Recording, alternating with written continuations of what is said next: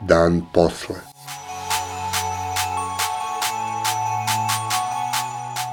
Podcast o krizi i njenim posledicama.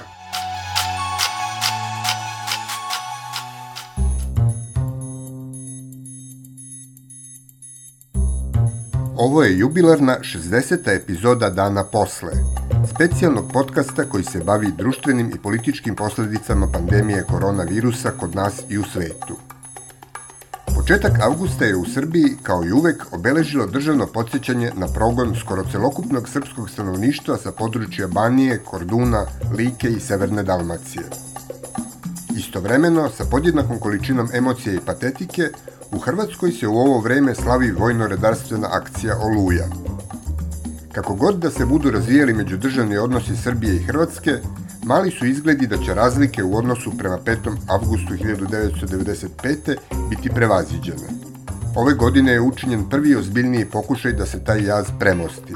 Podpredsednik novoizabrane hrvatske vlade iz redova srpske nacionalne manjine Boris Milošević učestvovao je na svečanosti u Kninu dok je u političkim krugovima u Hrvatskoj njegovo prisustvo protumačeno kao dokaz uljuđenosti sadašnje politike i zadovoljenja evropskih standarda, oficijalna Srbija je ovaj gest gotovo jednodušno proglasila činom izdaje. Na ovaj način je nastavljena politička zloupotreba tragedije više od 200.000 ljudi prisiljenih da napuste svoje domove. Prilikom ovogodišnjeg obeležavanja Dana sećanja na sve stradale i prognane Srbe u Sremskoj Rači, Vučić se izvinio krajišnicima za to što je Srbija u ovo vreme 1995. ne samo podigla belu zastavu, nego i sramno ćutala. I nije im dala da idu traktorima kroz centar Beograda. Međutim, nije objasnio zašto je kao generalni sekretar jedne od najuticajnijih stranaka u Srbiji i on tada ćutao. O tome šta se zapravo događalo u Kninu i okolini pre 25 godina O odnosu političkih vrhova Srbije i Hrvatske prema ovoj epizodi istorije, kao i o mogućnosti pomirenja dva nekad zaraćena naroda, razgovarali smo s Davorom Lukačem, tadašnjim ratnim dopisnikom Tanjuga iz Krajine.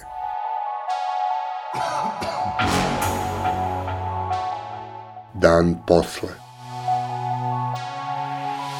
Kako je izgledalo biti dopisnik Tanjuga iz Knina 95. godine i kako je bilo stanje duhova među stanovništvom u Kninu u oči operacije Oluja?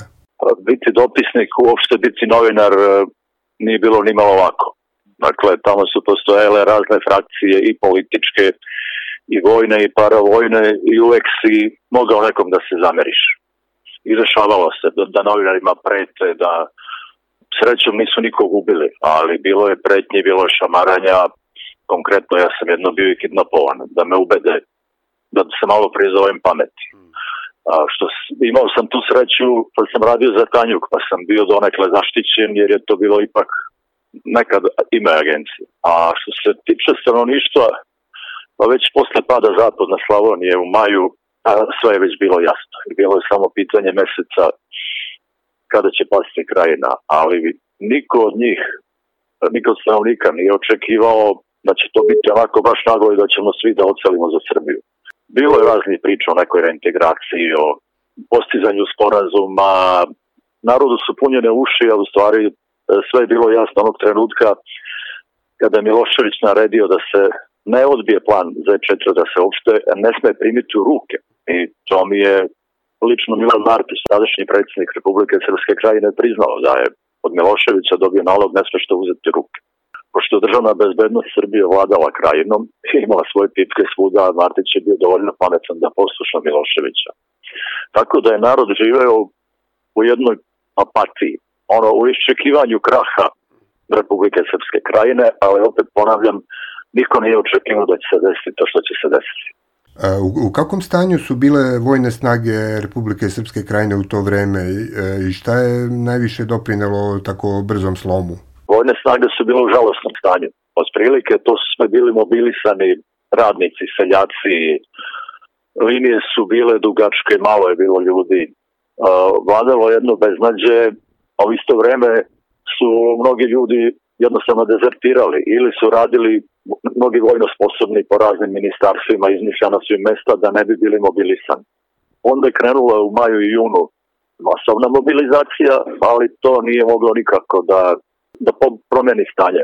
Recimo, vojska kraja da ima na papiru 30.000 ljudi na papiru. Od tog je 10.000 bilo u istočnoj Slavojni koje nije napadnuto i oni nisu ratovali. Znači, ostaje 20-21.000 ljudi da se suprotstavi skoro 200.000 hrvatskih vojnika. I to je bilo apsolutno nemoguće. Pogotovo, kažem, radilo se o ljudima, nije bilo nikakve obuke, nije bilo profesionalne vojske. Suština brzog pada Knina je u tome prvo izdaje Vojske Republike Srpske koji su dozvolili povukli sve snage sa Glamača i Kupresa i onda je u jesen 94. su pali Kupres i Glamoč i onda je Hrvatska vojska nošalantno pravila put na Dinar da i niko nije ometao i onog čana kad su prešli Dinar u kredu na drugoj strani imali su knin na dlanu i ono malo krajište vojske iz tog sedmog severno-dalmatinskog korpusa nije imalo šanse da im se suprotsta. Pogotovo što je tu bilo dosta nasilno mobilisanih i čak i neki otpor pružili, malo se ponadalo, kad je pravljena parada na Slunju na Vidovdan 95. To su stvari bili ljudi nasilno mobilisani po Srbiji. Dovoljno je bilo da je neko slučajno rođen u Rijeci, kogod je iz Hrvatske i Slovenije, ne znam, iz Bosne i njih su slali u vojsku Republike Srpske. I onda je poslan starešinski kadar, taj vrh koji je praktično bio doveden tu da izvrši egzekuciju krajine i njene vojske. Kad je pao krajina, par ljudi je u vojci Srbije dobilo čin generala i postavljeno na načelnike, za načelnike uprava, ti koji su komandovali pado. A ovi oficiri i podoficiri koji su izbjegli, njih su šikanirali ovde, davali nikakva radna mesta, zvali ih po beguljama i izgledicama. A izdali su stvari ovi koji su tad počeli da komanduju. I taj uglavnom korpus specijalnih jedinica, čim su Hrvati zapucali, to je jutra 4. augusta, oni su jednostavno napustili položaj. I ostala je ogromna rupa u odbrani tako da se oni ušetali praktično. Kako su se ponašale e, hrvatske oružane snage tokom akcije? E, da li je Oluja imala karakter, što oni kažu, legitimne vojno-redarstvene operacije ili je to bilo to etničko čišćenje? Ili možda kombinacija oba? Pa da je legitimna bila, bila i pošto je Hrvatska međunarodno priznata država i oni su dobili zeleno svetlo od Amerike i od NATO da mogu to da urade. Bila je kombinacija. Dakle, bila je i vojna akcija, etničko čišćenje, to je i sam Tuđman rekao, ima on, onom snimku sastanka na Brionima, put kod Gračanca kad su zauzeli Velebit, ne, oni nisu presekli taj put, da bi se stanovništvo iz Almacije moglo izvući. To je primjer dogovorenog rata ili, ili još tako nekih sitnica. Recimo, mogli su ući u Knin bez problema, ali su čekali dok se 75. motorizana brigada koja je bila na položaju prema Šibeniku nije izvukla. Ovaj, potpukovnik Davidović je bio komandant, oni su čak to prvo jutro i popravili linije i sve, a onda su, kad se proneo glas, povlači se narod i sve, onda vojnici idu da vide šta im je s familijama. I, ali su izišli to jutro bez problema, čitava brigada koja je imala najjača je bila u, u krajiškoj vojsci, izvukla se da ovi nisu na nju metka opalili a mogli su pucati, ali su znali da bi onda došlo do borbe i onda je bilo jednostavnije da ih pusti. A, a ko je ostao na, na području bivše krajine kad su krenuli traktori prema Srbiji? Nemoćni, neki koji nisu hteli ići. A ja mogu navesti primer tog sela odakle su moji, tu svi ko, koga god su zatekli su bili. Jednostavno tako, zavisi koja ti je e, vojska naišla. Pričali ste mi ljudi koji su ostali u Kninu, u, u podrumima, ono, da mislili da neće ništa biti dolazili su iz Varaždina, ova gardijska brigada, pripadnici i terali ih iz podruma, ono, malo te ne molili, idite, idite u kasarnu uprafora jer sad dolaze iz Sinja domobrani, više vam niko ništa ne može garantovati. Onda su ti koji su dolazili, ti su ubijali, ne znam, istreljali, bilo je strašne stvari, ti su streljali zarobljenike. Ovi varaždinci recimo to nisu radili, koji imao sreće da ga oni zarobe, pa je dobro prošao, koji je naletio na Šplitsku ili Šredensku brigadu, te su ubijali. A na kakav doček je nailazila izbjegliška kolona među stanovništvom e, u Republici Srpskoj i, i u Srbiji? U Republici Srpskoj ljudi su davali sve što su imali, pomagali. Jeste jedino da su zacvetili cene goriva, ali dobro, to je, to je tako u ratu bilo. pa je litra goriva bila po 20 maraka. I, a ovako je bio dobar doček i u Banja Luci. U Srbiji se nije ni znalo jer su ljudi kanalisani u, u izbjegličke centre koji su već bili formirani i koji Mada ja sam bio prisutan na sastanku u Banja Luci, Buba Horina došla komesar i nije znala da je tu i novinar. I ona je otprilike rekla sve će vam dati hranu, vodu, lekove, ono pomoć, samo ne dolazite u Srbiju, samo u Srbiju ne dolazite. Onda je bilo nekoliko situacija koje su mene recimo bilo onako mučne, ne lično nego gledajući. Kod drvara Vojska Republike Srpske koja nije htjela da pomogne, pretresa i oduzima oružje. Dakle, ti borcima koji su poraženi, koji oduzima oružje. A onda te u isto vreme hvataju, mobilišu i teraju te silom u njihove redove. Tako da, ali je oduzimano oružje kao što je oduzimano i kad se prelazi Ladrina. Ali iz Republike Srpske su znali da nikom nije cilj, da nikom nije cilj Republike, bar većini, nego da idu u Srbiju. Ali su se tako ponašali. Što se Srbije tiče, nigde se nije moglo skrenuti sa autoputa, sudi policija, pogotovo u Beograd, nego oni te kanališu ili te skreću prema Vojvodini ili te produžavaju dalje. dalje. Već su imali oni unapred planove gde će koliko ljudi da, da smeste. Mnogi su uspeli da se izvuku, da ne idu na Kosovo, jer je plan bio da se naseli Kosovo. Bili su razbacani od Kikinde do Vranja, do Vranjske banje. I onda su se ljudi salazili. Na početku su narod Srbije malo sažaljelo, a onda ono svakog sažaljevanja je dosta, pa je bilo već šta ove izbjeglice ovako, šta onako, bilo takve slučaje. Ali dobro, to je takav i život. Kako su generalno e, vlasti i mediji u Srbiji reagovali na pad Knina i na ceo taj izbjeglički egzodus? A kako su reagovali, recimo ja sam poslao vest kad sam došao na Oštrelju ovaj, do telefona, da su Hrvati ušli u Knin. Ta vest nikad nije objavio. Tanju. Dakle, Tanju do dan danas nije objavio da je Knin pao. Onda sam, igrom slučaja, posle par godina u nekim arhivama, ono, slučno fiokama našao moj izveštaj koji sam slao do, tog dana iz Knina 4. augusta iskasapljene, izredigovane ono rukom, bili su na papiru i onda je redigovano šta, šta se sme šta ne sme pustiti. Eto, to je jedan, jedan primer. Onda su mediji na početku sa kao sažaljevali nad kolonama izbjegličkih ono, ali u principu niko o porazu nije javljao ni pisao. Kao da se ništa nije desilo. Kažem, na početku je bilo mediji su govorili o izbjeglice, nedostaje ovo žena, deca, nejač, e, hrvatski zločinci i na tome se sve završilo. Ne? Kako je bilo ponašanje, možete shvatiti po tom da niko od izbjeglice nije mogao da dobije posao, o državljanstvu, ličnim kartama i da ne pričam. Svako onaj ko se prijavio Crvenom krstu, jer su rekli svi morate se prijaviti u Crveni krst, svaki vojno sposobni muškarac, on se prijavio Crveni krst i prijave adresu na kojoj će biti, u roku od sat vremena je dolazila policija, kupila ga i mobilisala.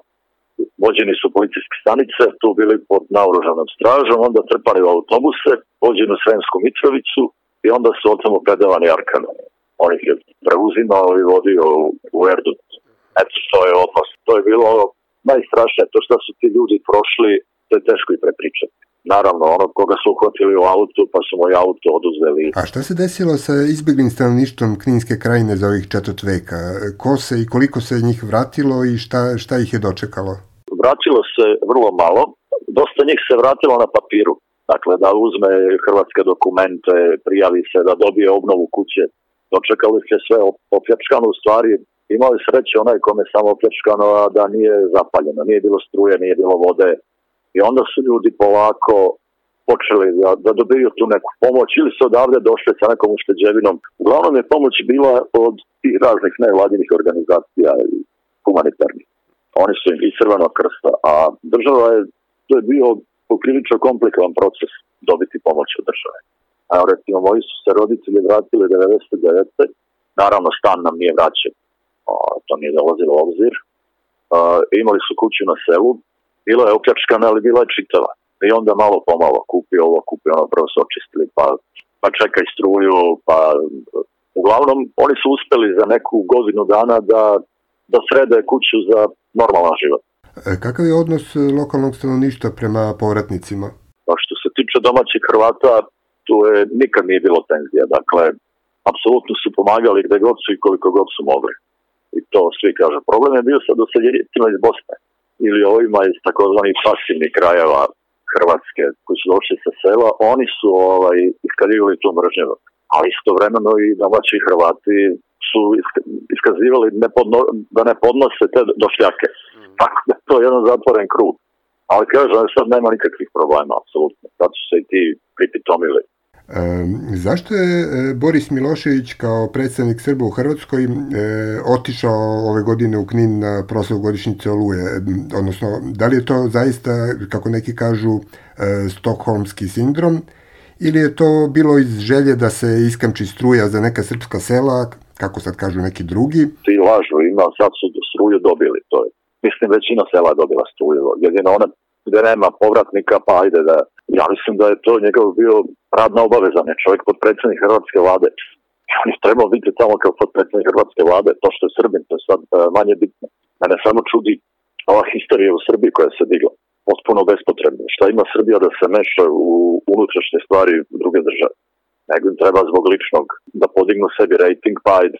Zašto su vlasti u Srbiji tako energično protiv posete Borisa Miloševića Kninu, a i sa druge strane, ko u Hrvatskoj deli njihovo nezadovoljstvo zbog toga? Kažem, to samo zbog e, svog unutrašnjeg rejtinga vlasti. U Srbiji to rade. A onda se u Hrvatskoj naravno nađe druga strana koji su slični i nastane i tamo dizanje tenzija protiv Srba. Oni ne shvataju naši u Beogradu da time odmažu sa ovom hajkom da odmažu Srbima ona malo preostali Srba u Hrvatskoj. Ja hoću navesti primer, pošto idem stalno i u Hrvatsku i, i do neku godinu dok nije strašno poskupilo i letovao sam. Postoji hrvatski, svaka televizija, uključujući dnevnik državne televizije, svaka izjava ministra Aleksandra Vulina, a on je trbuhozborac Vučićev, se prenosi. I to pojačava ustaštvo i mržnju prema Srbima. A ovaj lupeta svašta ima takve izjave, ovaj, da on ne da, da tim ljudima nanosi zlo i da im tim odmaše. Vi pogledajte izjave. Ovaj, Vulina u posljednjih 7-8 godina od kako je ministar. I on se nađe da preti Hrvatskoj. Kažem, zato, zato tamo televizije redovno prenose Vulina. A kakav je zapravo odnos e, matične države Srbije prema srpskoj zajednici u Hrvatskoj? Oni ne pomažu ništa. Evo recimo ima srpskih sredina u kojima bi se moglo otvoriti neki pogon, gde su pre rata bili pogoni, o, ne, Vučić odnosi desetine miliona evra za Republiku Srpsku ulaže. Jedan evro nije uložio recimo u Knin, Kninsku okolinu, taj deo severne Dalmacije, gde bi se moglo i možda bi se neki ljudi vratili kad bi se zaposlili. Ne. Apsolutno njih to ne zanima. On dođe, pokloni jedan traktor gore na kordunu i onda to slikaju kamere, eto kao Vučić poklonio traktor kad bi ulagali, možda bi se Srbi i vratili. Jer mnogo imaju kuće, imaju imovinu i sve, ali nemaju posla. Da, možda, možda Kninska krajina podsjeća na poraz politike 90-ih. Moguće da, je, da im je to nečista savjest, ona. A zna se šta su oni radili, mislim, Vučić je tad bio kao klinac, Našić je bio ujuljkan port parol vladeće partije, a ako je Slobo rekao nema pomoći krajini, onda nema pomoći krajini, onda će ti poklopi se ušima i... SDSS je skraćeno od Samostalna demokratska srpska stranka. Da li je ova politička snaga slanjem svog predstavnika u Knin opravdala ono samostalno u svom nazivu i koliko je dobro što je došlo sad do tog sukoba sa vlastima u Srbiji? Da li je to znak e, snage ili slabosti srpske zajednice? Ja mislim da će se oni uskoro opet pomiriti, da je ovo sve bilo fingirano. To ne, ne bi bio ni prvi ni posljednji put. Sve će to opet doći na svoje, opet će Pupovac da bude primljen ovdje u novom dvoru i kao da se ništa nije desilo. Pupovac se lukavo izvukao kao što se uvijek do sada izvlačio, a ovaj nesretni Milošević će nadrljati, pa šta da radimo. A koliko ovake velike istorijske geste kao e, ta poseta Miloševića Kninu ili s druge strane odlazak hrvatskog ministra branitelja u Grubore, koliko to zaista znači za međunacionalno pomirenje? E, koji bi još uslovi trebalo da se ispune da bi ta netrpeljivost između dva naroda otešla u istoriju? Moje mišljenje je da ovo puno znači za nacionalno pomirenje, ne samo više, više zbog Hrvata, ovaj, da oni malo drugačije gledaju na, na, čitav, na čitavu tu stvar. A, ovi stari to sve dobro znaju, ali ovi mladi, dakle kad gledate ove proteste i to, protiv Srba, malo ćete i naći ovih učesnika rata koji tamo urlaju viču za dom spremni. Ne, to su sve klinci koji, od koji većina rođena posle rata, ali su tako ih na, naučili.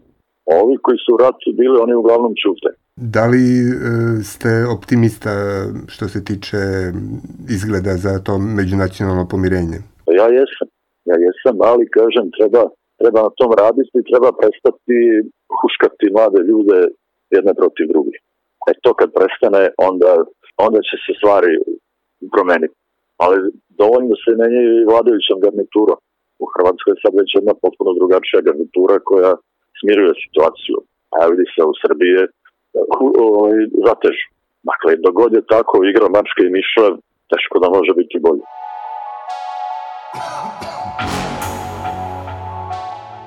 Dan posle.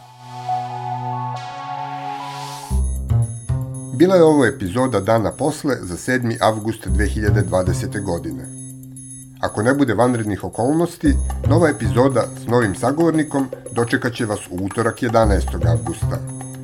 Ništa još nije prošlo, pridržavajte se mera zaštite od koronavirusa, čuvajte svoj i tuđe živote i ne ćutite pred glupošću i nepravdom. Dan posle je specijalno izdanje Tačke ključanja, autorskog podcasta koji se realizuje uz podršku građanskih inicijativa – Stavovi izneti u emisiji nisu nužno stavovi redakcije podcasta Dan posle, niti udruženja građanske inicijative. Redakcija Ilir Gaši, Tara Petrović i Aleksandar Gubaš. Urednik i voditelj Aleksandar Gubaš. Muzika Zeifel i Ben Sound.